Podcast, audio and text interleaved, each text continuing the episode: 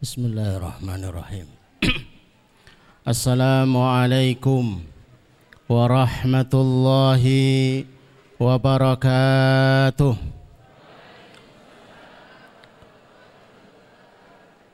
الحمد لله رب العالمين والصلاة والسلام على أشرف الأنبياء والمرسلين وعلى آله وأصحابه ومن تبعهم بإحسان إلى يوم الدين. أشهد أن لا إله إلا الله وحده لا شريك له. وأشهد أن محمدا عبده ونبيه ورسوله. لا نبي ولا رسول بعده. Allahumma syrah sudurana wa tazawwas an sayyiatina wa hab lana fahmal anbiya'i wal mursalin. Wa hab lana fahmas salafus salih. Allahumma anfa'na bima 'allamtana. Wa 'allimna ma yanfa'una wa zidna ilman. Wa na'udzu min ahwali ahli nar. Allahumma la sahla illa ma ja'altahu sahla wa anta taz'alul hazna idza syi'ta sahla. Rabbi israh li sadri wa yassir li amri wa hlul 'uqdatam min lisani yafqahu qawli rabbi zidni ilma. Subhanaka la ilma lana illa ma 'allamtana innaka antal alimul hakim. Amma ba'd. Bapak, Ibu, jamaah sekalian yang dirahmati Allah, semoga dicintai oleh Allah dan semoga diridhai oleh Allah Subhanahu wa taala.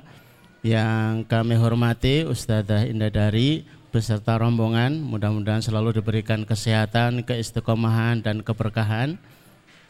Hari ini hari yang kita berbahagia Baru hari Kamis kemarin kami bicara tentang sebuah hadis Rasulullah Sallallahu Alaihi Wasallam. Bercerita tentang seorang yang disebut mustajabatut doa. Yang doanya mustajab. Para santriwati hafal. Yang hafal ciri orang yang doanya hafal eh, doanya mustajab itu adalah yutilus safar. Perjalanan panjang. Kalau bapak ibu pengen doanya mustajab, walaupun rumahnya paraan, muter-muter, biar panjang. Dan perjalanan kita tidak ada yang lebih panjang, lebih jauh melebihi beliau. Sekalipun ustazah, bapak-bapak mungkin batin. Kenapa? Seorang ustazah disuruh tampil di sini. Karena ustadznya nggak ada yang berani sampai di sana. Bahasa kita ngisin-ngisini gitu loh. Yang putri berani, muslimah berani, ibu-ibu berani, Harusnya salah satu di antara kita para bapak ataupun mas-mas yang tampil di sini. Tapi karena nggak ada yang mewakili. Harus menerobos pos-pos penjagaan bertemu dengan para pengungsi-pengungsi untuk memberikan satu jaket, satu kue, satu roti, satu gelas aqua yang dengan itu mereka bersyukur ternyata masih punya saudara di Indonesia. Mereka tidak sendiri. Dengan itu mereka itu menutup aib-aib kita sekalian. Ketika akan dihisap oleh Allah, wahai muslimin Indonesia, apakah kamu peduli muslimin nun jauh di sana? Sudah ada yang mewakili ya Allah. Lah nitip enggak? Lagi niku. Sudah diwakili. Saya buka DAP jarak Temanggung Gaza. Lu biar tahu ukurannya. 9050 kilometer. Tadi belum disebutkan oleh Ustazah, maka saya nyebutkan. Jangan lihat cuma fotonya. Anak-anak di sini ya banyak. Anak kemah-kemahan yo banyak. Yang kelaparan yo banyak. Tapi itu ada di 9050 kilo non jauh di sana. Tempat lahirnya Al-Imam Syafi'i. Imam Syafi'i itu lahirnya di Gaza. Madhabnya sampai sini. Kadang kita ngotot-ngotot itu. Antum kok ngene? Imam Syafi'i yuk. Madhabnya Syafi'i yuk. Lah kok pakai Sayyidina, Imam Syafi'i yuk. Lahirnya di mana? Lah ku. Kula ngertos niku Syafi'i Manding. Lah. Lain lagi ceritanya lain, lain lagi. Yutilus safar, orang yang doanya mustajab itu melakukan perjalanan jauh. Semakin jauh, semakin mustajab. Ke Magelang dengan ke Jogja lebih mustajab mana? Mustajab mana Pak? Ya Jogja kecuali ke Magelang tapi muter-muter ke Surabaya. Itu yutilu safar. Yang kedua as asa. Acak-acakan. Nah ibu-ibu jilbabnya lucek. Coba diperiksa bu yang paling lucek siapa? Udah tiga hari nggak ganti. Akhbaro berdebu. Wayamuddu yadaihi dan mengangkat kedua tangannya ke langit. Seraya mengucapkan Ya Rabbi, Ya Rabbi kalau mau ditambahkan bihormati yaumil jum'ah demi kehormatan hari Jumat. Eghfir lana ampuni dosa kami. Demi kehormatan hari Jumat dan kemuliaannya. Angkat kesulitan-kesulitan kami. Lunaskan hutang-hutang kami. Kabulkan hajat-hajat kami Bawa nama Jumatnya, kemuliaannya. Selama makanannya halal, selama minumannya halal, selama dia itu mengkonsumsi harta-harta dari jalan yang halal, maka akan mustajabah. Rahasia di situ. Lebih layak beliau yang mendoakan kita daripada saya yang mendoakan karena safarnya lebih jauh dari beli, lebih jauh beliau. Sebenarnya begitu. Maka kehadiran beliau di tempat kita ini istimewanya karena itu. Sekalipun cuma sebutan ya Allah mudah-mudahan yang hadir ini diberkahi oleh Allah. Itu sudah doa mudah-mudahan diijabah oleh Allah SWT. Bapak Ibu yang dirahmati Allah waktunya terbatas sudah sore karena memang mulainya sore. Tidak perlu ngelihat jam karena saya sudah ngelihat dari sini. Banyak yang pengen bercita-cita seperti Abdurrahman bin Auf. Sehingga banyak anaknya dikasih nama Abdurrahman. Tapi jangan kaget disebut nama Abdurrahman, jadinya anak kok ngantuan. Suruh ngapal Quran orang apal-apal. Karena apa? Abdurrahman bin Auf itu bukan ulama, tapi pedagang. Walau pantas dikasih mushaf dengan ayat, dengan dikasih lembaran, itu lebih fasih lembaran uang. Bapak Ibu yang sudah kadung ngasih nama Abdurrahman jangan kaget. Wah ngerti yang ngono tak ganti. Klat. Tapi istimewanya beliau itu mendapatkan surganya dengan hartanya. Ada yang mendapatkan surganya itu dengan tahajudnya, ada yang dengan puasanya, ada yang dengan lelahnya, ada yang dengan sabarnya, ada yang dengan hartanya. Kalau anaknya sudah Abdurrahman, panjenengan namanya Abdurrahman, bercita-cita sebagai Abdurrahman dan diberikan kemudahan mendapatkan harta, sampai kalimatnya Abdurrahman bin Auf itu, saking pinternya nyari harta. Kalau aku buka batu, aku temukan emas di dalamnya. Saking pinternya.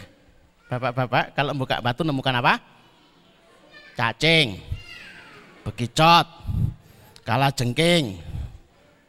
Saking nggak pinternya kita gitu loh. Lah kisah itu diabadikan dan diceritakan ulang. Tapi barangkali ruhnya belum dapat kita itu. Biar kita bisa menjiwai dan punya ruh tentang Kenapa ditampakkan transaksi yang tidak pernah merugi? Madinah hari itu suara hiruk pikuk memecah suasana istirahat siang. Tak terkecuali ibunda Aisyah radhiyallahu anha terbangun dari tidur siangnya. Tanya kepada pembantunya, "Ada apa?" Kafilah Abdurrahman bin Auf datang. Berisikan 700 ekor unta beserta dagangan yang ada di atasnya. Umpama tidak ngelakson itu ya tetap rame. 700 motor jajar-jajar itu rame. 700 truk, oh ya rame gitu loh. Tiba-tiba Ibunda Aisyah itu memanggil pembantu, tolong sampaikan kepada Abdurrahman bin Auf. Kalau dia tidak hati-hati dengan hartanya, dia akan masuk surga dengan merangkak. Pembantunya menemui Abdurrahman bin Auf, begitu disampaikan gemetar.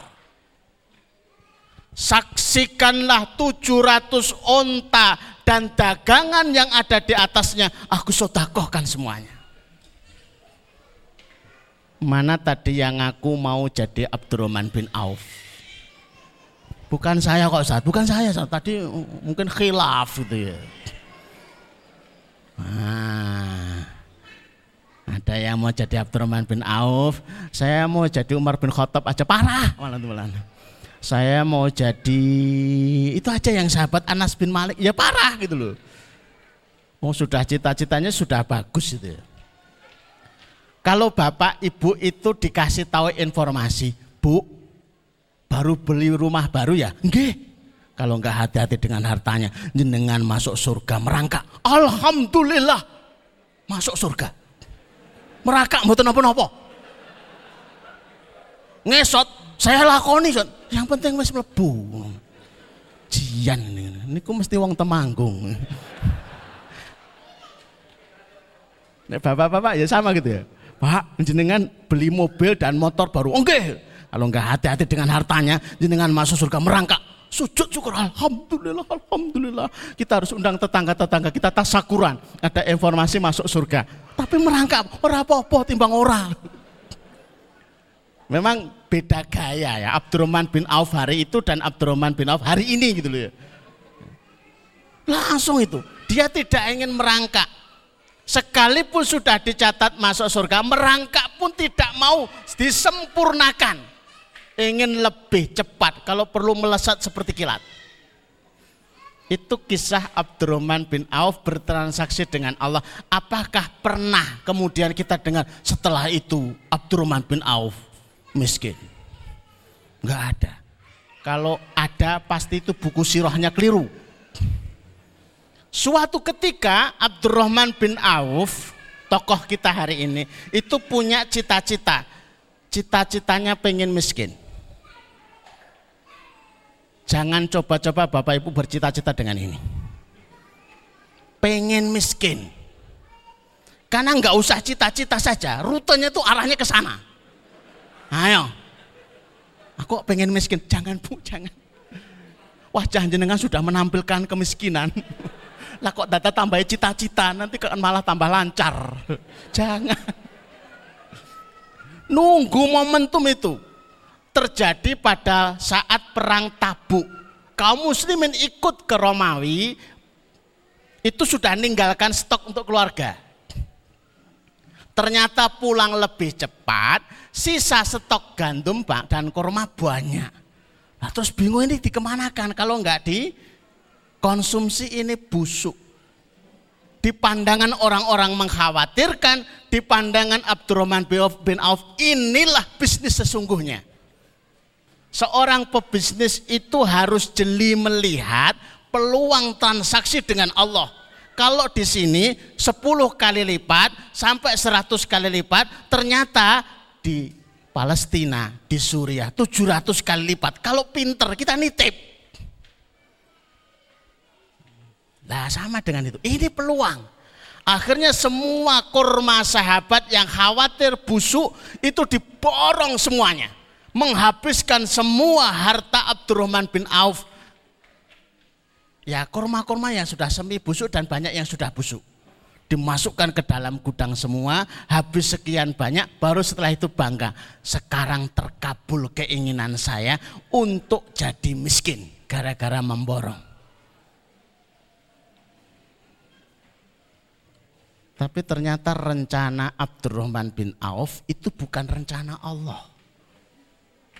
Di Yaman ada wabah, penyakit kuning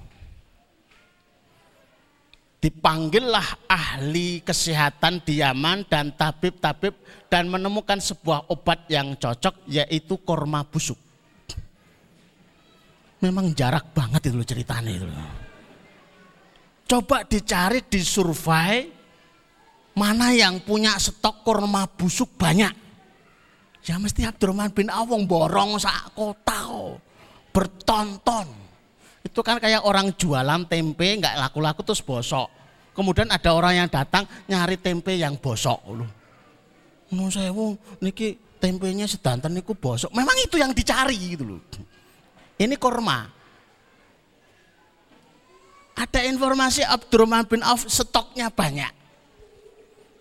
Maka raja yang di Yaman minta agar dijual, tidak bisa saya tidak mau jualan barang busuk.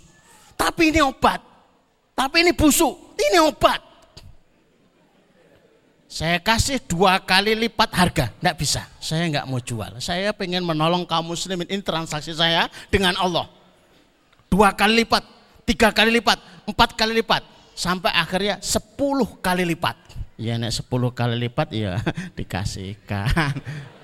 Akhirnya mau miskin gagal maning, gagal maning. Oh, orang sodakoh itu kalau mau miskin itu susah. Karena sudah distempel, distempel gagal miskin. Ahli sodakoh itu ada stempelnya gagal miskin. Coba mungkin diperiksa, ono gunaku enak pada tabuk nih gini gini. Ini gagal miskin apa gagal kaya? Nah, ingin kok nyumbang pintu toh pak? Jane pengen iki ya 50.000, tapi enak sing 2.000 aku 2.000 wae. Wah, iki bablas itu. Saya itu pengen transfer itu loh. Tapi kok kita piye no? Ora ana sing transfer ku aku dikira sing paling sugih no. Ora ana sing ngirone mboten wonten. Kita itu khawatir kalau sodako itu khawatir kalau nanti miskin. Dibalik aja nanti kalau kaya gimana ya gitu loh.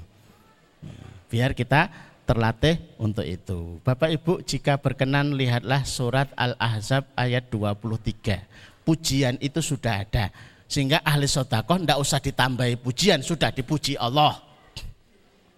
Minal mu'minin. Di antara sekalian orang-orang beriman, rijalun ada para gentleman. Saya membacanya begitu agar ibu-ibu enggak protes. Kenapa harus laki-laki? Kalau gentleman itu bisa laki-laki, bisa perempuan. Ada yang perkasa-perkasa, pemberani-pemberani. Kalau ibu-ibu Wonder Woman, Wonder Woman. Siapakah mereka?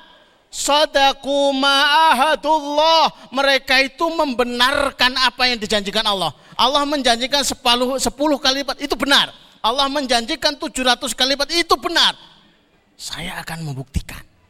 Seneng gitu loh. Ada yang membuktikan itu mangqadha nahabah. Ada yang karena ingin membuktikan kelelahan tubuhnya itu membawa kepada kematian. Pembelaan kepada Islam itu membuat hilangnya nyawa. Resiko membuktikan janji itu ada kalanya adalah mati. Resiko membuktikan janjinya dengan Allah ada kalanya adalah hilang nyawanya. Ada kalanya adalah habis hartanya. Tapi kalimat terakhirnya wama badalu tabdila. Mereka tidak pernah ingin mengganti. Pilihannya membuktikan atau dalam daftar antrian penantian. Pernah ngerasa nggak Bapak Ibu? Kapan ya mobil saya itu dipakai Allah? Kapan ya gaji saya itu mau dipakai Allah?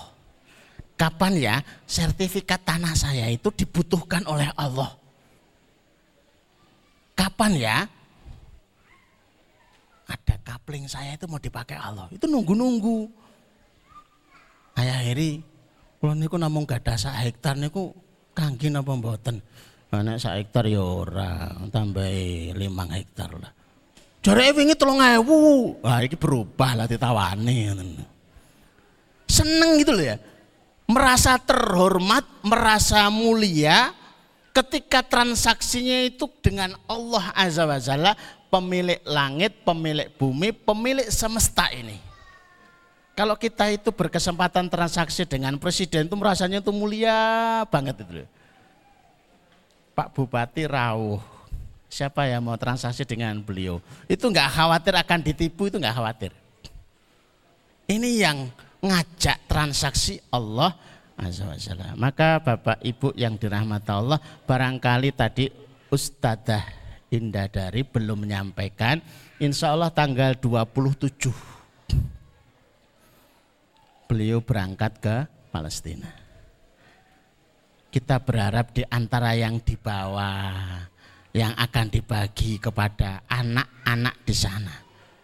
Yang mau makan ternyata nggak ada tangannya. Yang mau jalan ternyata kakinya cuma satu yang mau tidur dengan baket yang hangat ternyata kepalanya nggak ada.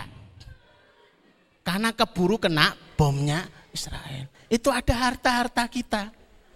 Niki mboten kayak anu mboten kathah nggih Ustaz, namung gang salatus ewu. Enggak apa-apa.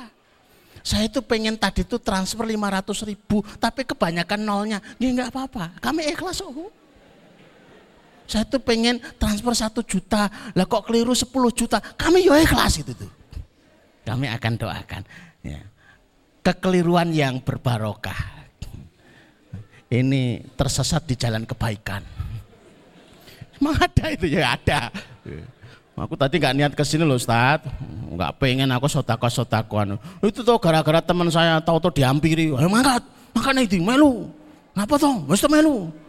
Alah kok isinya apa? mangan mangan ayo mangan ternyata dikasih snack dikasih minum lah sampai di sini kok suruh sodako lah tuh ngerti ngono aku marah melu absen izin macam-macam itu saya dijebak dijebak dalam kebaikan Bapak Ibu rencana tadi sudah disampaikan oleh Ayah Heri kotak yang diedarkan itu isinya akan dibawa semua ke Palestina insya Allah bukan kertas-kertasnya uangnya isinya waduh Tadi ngerti gitu ya saya ngisinya banyak. Jangan khawatir kita masih di sini.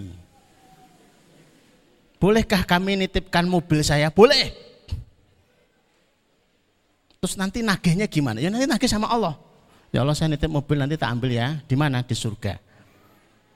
Kan keren ceritanya itu loh Pak. Orangnya masih di dunia, mobilnya sudah sampai di sana. Ketika malaikat kamu harus masuk neraka. Lah mobil saya di neraka lah mobil saya. Masa mobilnya di surga, orangnya di neraka. Ini ceritanya dari mana? Nggak ada kamusnya. Nah, ini kok ngeyel. Saya ngaji kok malaikat. Oh, ngaji. Saya pinter ya. Ngeyel sama malaikat. Oh, bolehkah saya nitipkan kertas? Boleh. Asal tulisannya sertifikat. Nah nanti Ustazah Indah Dari bagaimana tuh bawanya ke sana tanah itu. Nggak usah tanyakan. Beliau lebih ahli dalam urusan begitu. Tinggal dilipat aja. Terus di dijual, terus dibawa ke sana. Boleh nitipkan sertifikat, boleh. Oh sudah saya tak ngelepas cincin saya. Cincinnya, bukan cincinnya yang di sampingnya. Eh bu dilepas bu, ini cincinnya siapa?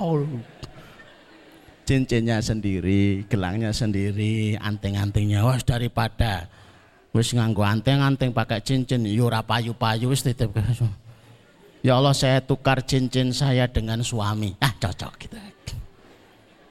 Ternyata suaminya penjual cincin. Wah. Jenengan sotakoh kunci biar dapat suami. Ternyata suaminya tukang kunci. Wah, Alhamdulillah. Begitu Bapak Ibu yang dirahmati Allah, sudah diedarkan tadi ya kalengnya. Ya, kalau belum selesai masih ada di sini tinggal nanti disampaikan, dititipkan uh, ayah hari sampai panitia sampai ya. yang wirawi itu titip itu juga sampai insya Allah itu nggak perlu khawatir gitu ya. Bagaimana kalau nyusul nanti malam boleh, besok pagi boleh. Bagaimana kalau tahun 2002 jangan sweat. segera mungkin. Silakan difikirkan tapi jangan lama-lama. Tidak usah pakai ketetapan, menimbang.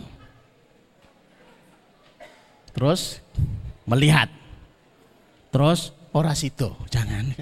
Terlalu banyak keputusan itu. Mengingat, menimbang, wah orasido.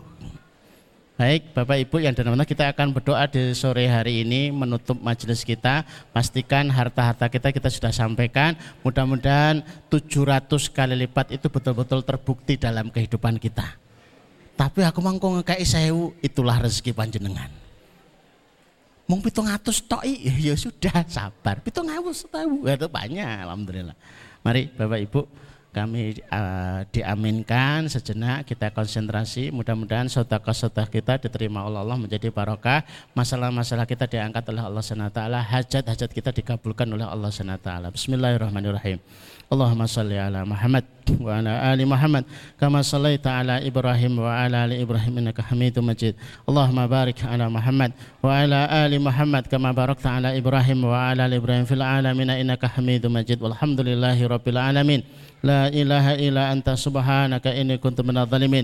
La ilaha illa anta subhanaka inni kuntu minadh dhalimin. La ilaha illa anta subhanaka inni kuntu minadh dhalimin. Allahumma ya Rahman ya Rahim ya Hayyu ya Qayyum Ya Dzal Jalali wal Ikram Allahumma ya Rahman ya Rahim ya Hayyu ya Qayyum يا ذا الجلال والإكرام اللهم يا رحمن يا رحيم يا حي يا قيوم يا ذا الجلال والإكرام بارك الله في أهلك ومالكم بارك الله في أهلك ومالكم بارك الله في أهلك ومالكم يا الله berkahilah harta-hartanya ya Allah berkahilah keluarga-keluarganya ya Allah berkahilah usaha-usahanya ya Allah berkahilah waktu dan usianya birahmatika ya arhamar rahimin ajarakumullah fi ma a'taitum wa barakallahu fi ma abqaitum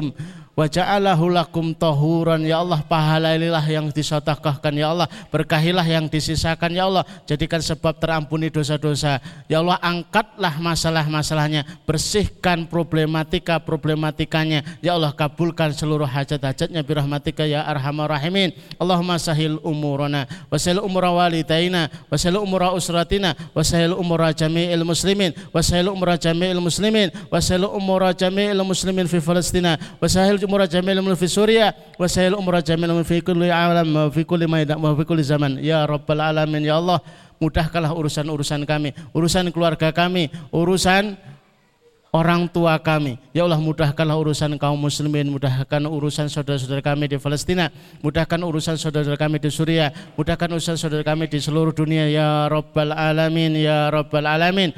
Allahumma ya Rahman ya Rahim ya Hayyu ya Qayyum ya Dzal Jalal wal Ikram. Allahumma inna nas'aluka min khairin ma sa'alamu nabiyyuka Muhammad sallallahu alaihi wasallam wa na'udzubika min syarri ma sta'adahu nabiyyuka Muhammad sallallahu alaihi wasallam. Antal musta'an, alaikal balak wa la haula wa la quwwata illa billah ya Allah. Sesungguhnya kami memohon seluruh kebaikan yang pernah diminta oleh Nabi kami Shallallahu Alaihi Wasallam. Ya Allah, sesungguhnya kami meminta perlindungan yang pernah diminta perlindungan itu oleh Nabi kami Shallallahu Alaihi Wasallam. Engkaulah tempat kami meminta, engkaulah yang menyampaikan segala urusan. La khawla wa la quwwata illa billah. Allahumma dzib hammana, Allahumma dzib hammana, Allahumma dzib hammana. Ya Allah, angkatlah masalah-masalah kami. Ya Allah, angkatlah masalah-masalah kami. Ya Allah, angkatlah masalah masalah kami. Allahumma kfina bihalalika an haramika wa aghrina bifadlika amman siwaka. Ya Allah cukupkan kami dengan rezekimu yang halal sehingga kami tidak butuh dengan yang haram. Ya Allah kayakan kami dengan anugerahmu sehingga kami tidak butuh kepada selainmu birahmatika ya rahman rahimin. Rabbana atina fid dunya hasanah wa fil akhirati hasanah wa qina adzaban nar wa qina adzaban nar wa qina adzaban nar wa sallallahu ala Muhammadin wa ala alihi wa sahbihi wasallim subhana rabbika rabbil izzati amma yasifun wa salamun ala mursalin walhamdulillahi rabbil alamin. Aku lihat hadza nastaghfirullakum. Mudah-mudahan bermanfaat. Assalamualaikum warahmatullahi wabarakatuh. Bapak Ibu yang berkenan ingin melanjutkan transaksi masih kami tunggu di sini baik dengan kota infak yang sudah ada atau menemui kami di tempat belakang sana. Jazakumullah.